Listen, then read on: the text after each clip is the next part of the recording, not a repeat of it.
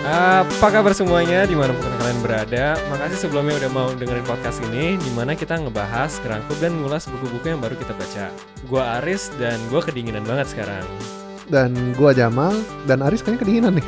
Gue kedinginan banget sih Eh, Jadi pada episode terakhir kan kita ngebahas tentang bukunya Eric Rice, The Lean Startup ya Mm-mm. Jadi eh, di segmen ini kita lebih ngebahas bebas aja ya Berbincang bebas lah Oke. Tentang bukunya itu, opini kita dan ya reviewnya kita lah Menurut kita tentang buku itu gimana Oke, mau gue mulai? Ya boleh Kalau menurut gua banyak hal yang eh, dalam kenyataannya tuh udah dipraktekkan oleh banyak banyak banyak startup. gue juga dengerin eh, sering banget dengerin podcast podcast venture capital yang biasanya tamunya itu portfolionya mereka dan mereka tuh sering banget make istilah-istilah yang diperkenalkan oleh si Eric Rice dalam buku tersebut. Meskipun banyak istilah-istilahnya juga juga diambil dari orang lain ya, kayak kayak uh, product market fit kan diambil dari si uh, Mark Anderson kalau salah dari Anderson Horowitz Mhm. bahwa yang itu yang yang uh, pernyataannya kalau lu masih nanya gue udah nyampe product market fit artinya lu belum nyampe Product market fit gitu loh tapi kalau secara buku gua kurang suka karena strukturnya ya itu kayak kita sempat bahas dia tuh suka mondar mandir gitu loh kayak Ya. ngomong ini terus balik lagi ke sini Mhm. bukannya kayak pema eh, ya bukan pemaparan sih ya eh, se- secara dia emang bukan penulis ya dia dia dia software engineer gitu loh Ya, dia ya, dia ya.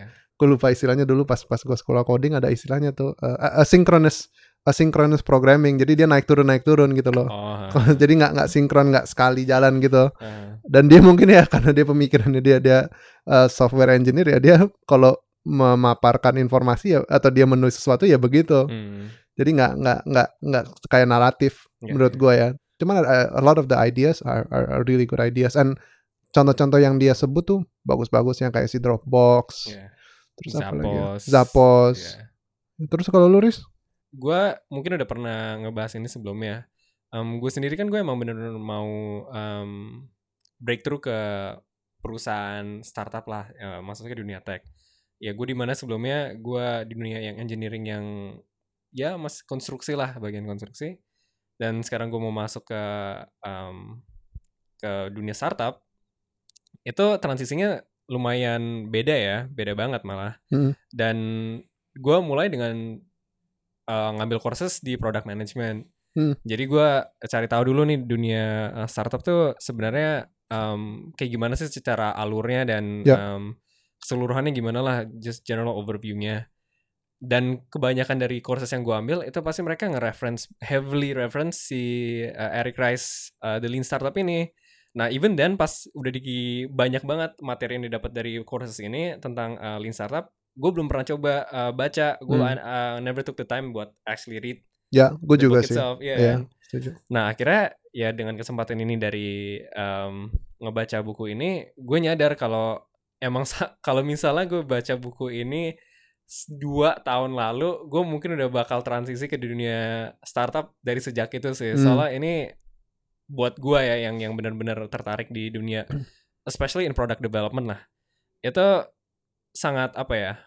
Hmm, eureka moment lah. Hmm, ini eureka momen gue banget pas baca buku ini. Yang sebenarnya gue udah bah- bahan-bahan atau inti ceritanya sendiri udah banyak dipapar di courses yang gue ambil. Hmm, cuman dengan gue ngebaca ini eh, semuanya jadi ya terlengkapi aja sih. Hmm. dari eh, apa eh, knowledge gap yang gue selama ini ngerasa. Kayak full circle yang lu full bilang itu circle, ya. iya, jadi full circle itu.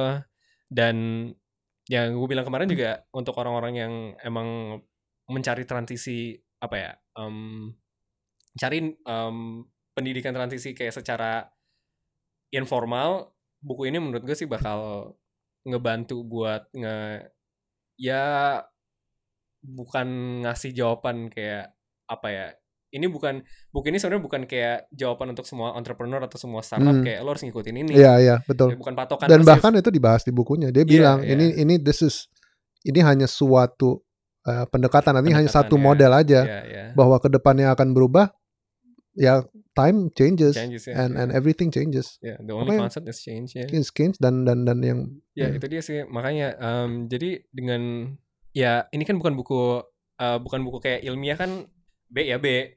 Cuman kalau ini em, karena ketidakkepastian itu buku ini hanya apa ya? Hanya bisa nge yang ngasih semacam kayak rough guide aja ya lah kayak gambaran umum lah gambaran umum kayak em, apa yang untuk di, apa yang bisa diantisipasi seorang atau um, seorang entrepreneur atau um, sekerum, uh, sekelompok orang yang uh, emang pengen masuk ke dunia startup. Jadi Se- se- sebelum orang-orang ini kayaknya tadi kita sempat bahas cuman nggak nggak nggak secara eh, lengkap Hmm. entrepreneur pokoknya ya itu adalah orang yang bergerak dalam suatu startup nah dia kembali bilang kalau di bukunya startup itu kumpulan orang-orang yang ingin membuat produk atau jasa baru dan dibuat dalam keadaan ketidaktentuan Ketidakpastian. eh, ketidakpastian atau ketidaktentuan ekstrim yaitu belum dapat dipastikan lah bahwa emang ada pasarnya berdasarkan hipotesa nilai pertama value value, hypothesis, hypothesis terus hipotesa pertumbuhan atau growth hypothesis itu proses ya. jadi startup itu bisa bisa di dalam apa pun startup itu is a state of mind Yeah. in New York Eh, eh. terus gue nggak mau ngulang lagi sih pokoknya kata-kata itu Eh, kata-kata sakti itu sakti itu ya. Iya. Ah, jadi aplikasinya itu eh, penerapan model atau atau pendekatan terhadap manajemen yang dinamakan lean startup ini nih bisa diterapkan ke apa pun menurut gua ya. Multiple applications dalam arti nggak hanya bagi orang yang mau eh, membuka usaha. Katakan lu mau bikin proyek atau Hmm. kayak kayak kita aja kayak bikin konten. Ya, ya, ya. Kayak konten tuh penerapannya bisa banyak banget. Bahwa working in small batches. Take the time to focus mengerjakan satu hal sampai tuntas dulu.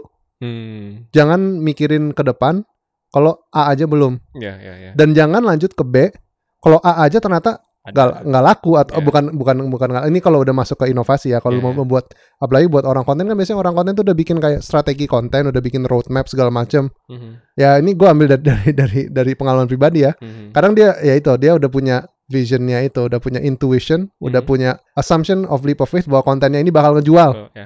jadi dia ada orang yang bikin konten langsung hajar bikin gede banyak karena sekalinya gue keluarin semua orang bakal nonton kenyataannya itu beda banget karena apalagi kalau konten ya konten kan sebenarnya nggak nggak cuman generic ya dalam arti a, a real startup itu adalah startup yang faces extreme uncertainty kalau udah certain bahwa se- eh, sebuah model yang value hypothesis sama growth hypothesisnya udah kebukti benar Yeah. then it's not a matter of uncertainty it's a matter of execution Ya, oke. kan ada ada istilahnya tuh ada waktu gue denger apa ya execution eats uh, ideation for breakfast or something like that pokoknya itu bahwa emang semuanya itu tergantung pelaksanaan Em, sebenarnya ini hal yang bisa diimplementasikan di dunia atau di industri yang sudah yang sudah mature, yang udah udah established lama. Contohnya ya dari contohnya si Eric Ries aja, eh, si Intuit kan, Hmm. yang mereka perusahaan gede, cuman akhirnya mereka eh, memutuskan, oke kita bakal ngasih satu apa ya, em, suatu fleksibilitas lah ke satu segmen di perusahaannya untuk membuat menginovasi Ya. em, produk yang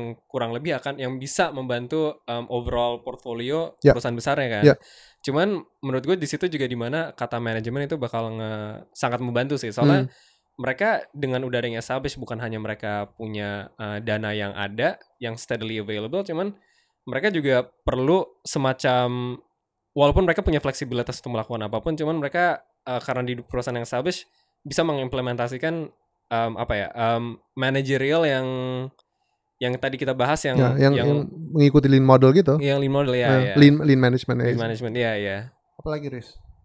Uh, mungkin kalau gue sih gue jadi kebanyakan pikir tentang um, jadi sejak gue baca Lean Startup ini banyak banget gue uh, coba baca-baca gara-gara gue bener-bener terkesan banget sama si Dropbox gue coba lihat um, MVP ya apalagi sih uh, produk apa ya um, app-app atau produk apa aja yang kita pakai sekarang um, mereka dulu MVP-nya kayak gimana Hmm. dan salah satu Hmm. yang um, gue terkesan juga tuh um, Airbnb lu tahu nggak ceritanya Airbnb gimana? gue pernah baca bukunya tuh the, the Airbnb Airbnb wave Airbnb sama Uber cuman gue lupa Oke. banget ya eh, awalnya gimana coba Ya. ceritain kalau Airbnb ya kalau kalau Uber gue gue sempat nonton juga cuman gue nggak terlalu terkesan Hmm. sama itu sih kalau Airbnb sih gue suka gara-gara um, so uh, foundernya Brian Ches Ches Chesky ya Brian Chesky or something Oh. namanya lah kan eh, Airbnb bahkan gue gak pernah pakai terakhir kita pakai Airbnb gue yang pakai ya. yang, yang ini gue gue gak punya account di situ bahkan di situ ya Uh, so jadi intinya sih dia um, dia ngelihat tuh ada dia waktu itu uh,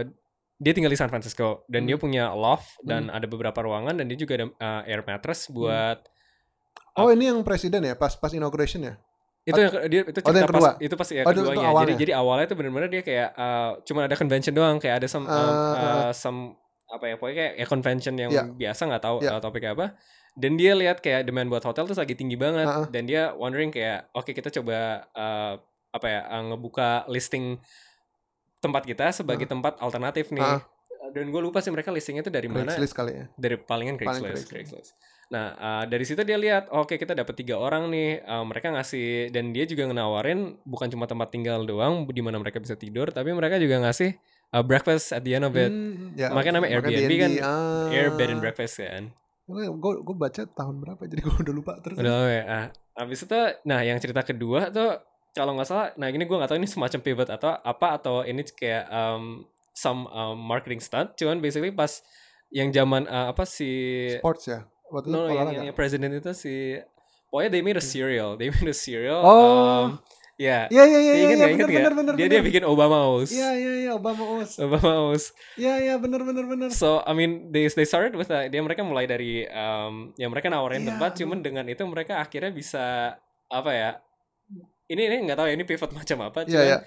mereka uh, ngenawarin um, para apa ya, orang-orang yang mau nyewa ini dengan mereka ngejual cereal pada saat itu jadi nggak ada Ah. hubungannya sama uh, Airbnb-nya sendiri Ah, cuman pinter you, you've heard the story Iya kan? iya iya. Iya. iya. I've- I've- Karena gue udah udah baca. Jadi, Udah baca tapi, juga kan? udah udah udah lama banget gue lupa. Iya. Heeh. dan dari situ dia um, gara-gara apa ya um, penjualannya dari cerealnya sendiri itu bagus uh, dia dapat funding awalnya dari situ karena um, Hmm. one of the founders tuh kayak uh, bilang mereka ngejual cerealnya dengan harga yang lumayan patokannya tinggi ya kayak langsung 40 dolar atau apa Iya kan gitu. ka- karena juga sebenarnya serial serial Cheerios biasa kan. Serius biasa Iya, ya, cuman tapi- mereka kan, packagingnya iya, aja beda ya. Marketing. itu Marketingnya itu. Makanya ya. ini ini sebenarnya bukan pivot, ini marketing campaign yang, marketing campaign yang aja mereka. banget.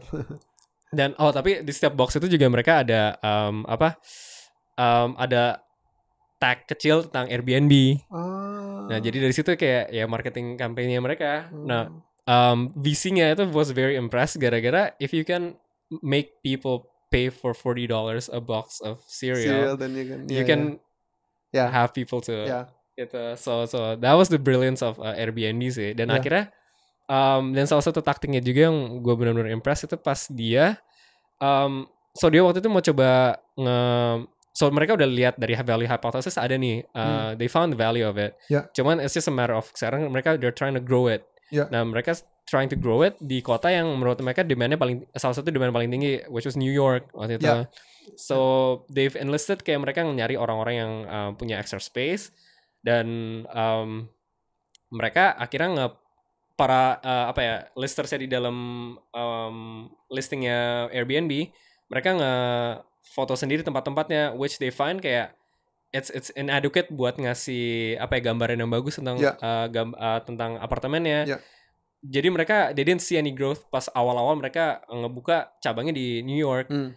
Nah, tapi pas, pas akhirnya what they did was it's not a scalable tactic, cuman pas saat itu emang mereka perlu. Jadi mereka uh, book the flight dari San Francisco ke New York buat ngefoto-fotoin mereka uh, hired um, no they se- mereka sewa kamera profesional buat mereka ngambilin fotonya sendiri. Hmm. Dan akhirnya Agak-agak kayak sih itu dong si Nick Swinman dari Zappos itu. A ya. bit, a bit, Iya, ya, ya, mirip banget sama ceritanya Zappos. Nah, eh, abis itu yang bikin apa? Tapi walaupun mereka udah nge-list dan dengan mereka punya website sendiri ya, mereka udah nge- ngebuka website sendiri. Hmm.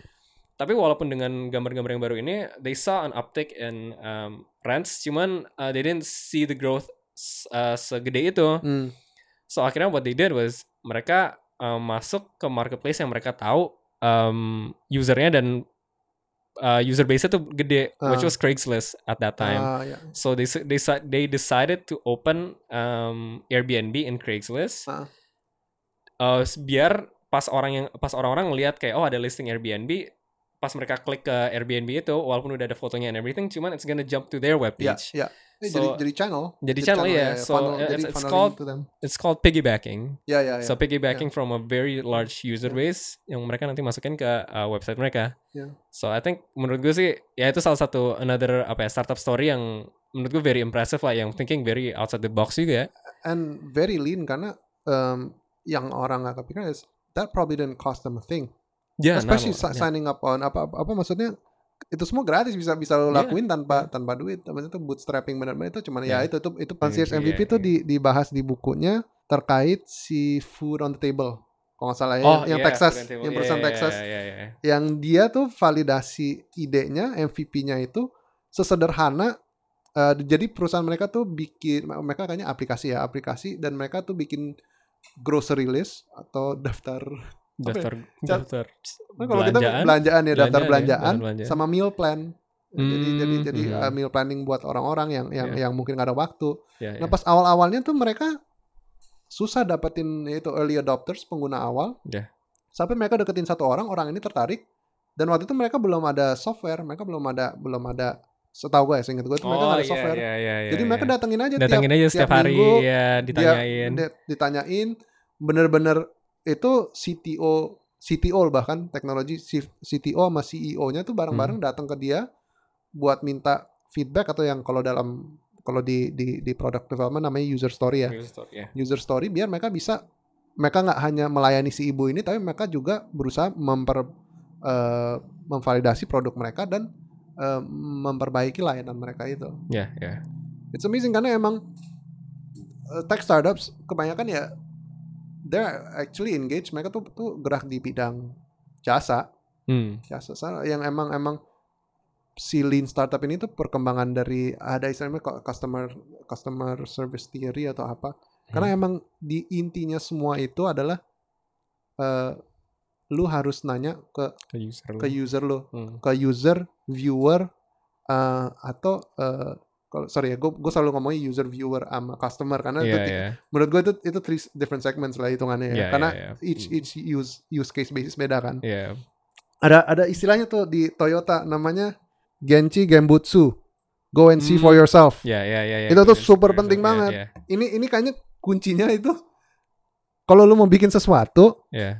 kecuali itu buat self fulfillment ya, kayak passion project tuh itu bener-bener kayak gue gue gue gue saat ini sedang Eh. menjalankan pa- passion project gue gue pengen bikin podcast ini dan gue lagi bikin konten lain Iya. juga itu passion project Eh, jadi seharusnya gue nggak sakit hati dan gue nggak akan sakit hati karena menurut gue itu itu gue harus entah kenapa gue harus lakuin Iya, iya, iya. tapi kalau gue mau bikin itu jadi sesuatu yang sukses ya lu mesti nanya ke audience lo Hmm. ke target market lo lu sebenarnya mau apa sih Iya, iya. Kita nggak boleh kukuh kayak oh kita we know better than you nggak boleh kayak gitu Iya, iya. Ya sama aja kayak misalnya kalau kita ngerasa kita ngela- ngalamin satu masalah yang mungkin very case specific gak belum tentu dan kita mikir kayak oh ini brilliant idea nih kayak gue Iya. ada masalah ini dan solusi gue ini. Iya. Cuma ternyata kalau kan? misalnya asumsi juga Asumsi, kan. Nah, ya. kalau misalnya kita ternyata validate nobody wants it dan don't create it dan nongkrong ini ya makanya Karena- tapi sebelum itu ya kita harus ya itu kayak ya apa tadi bahasa Jepangnya Genji Gembutsu genchi Genji ya. Gembutsu ini ini salah satu dari gue baru google juga kemarin Heeh. itu proverbs atau kutipan-kutipannya si si Toyota tuh banyak banget Hmm. ada ada ada 30 lebih kali termasuk si Genji Gambutsu si Andon Court segala macam itu uh, Mejidoka kalau nggak salah satunya itu Hmm. this uh, the Japanese are on a whole another level Yeah. especially yang yang post World War II iya, eh, iya.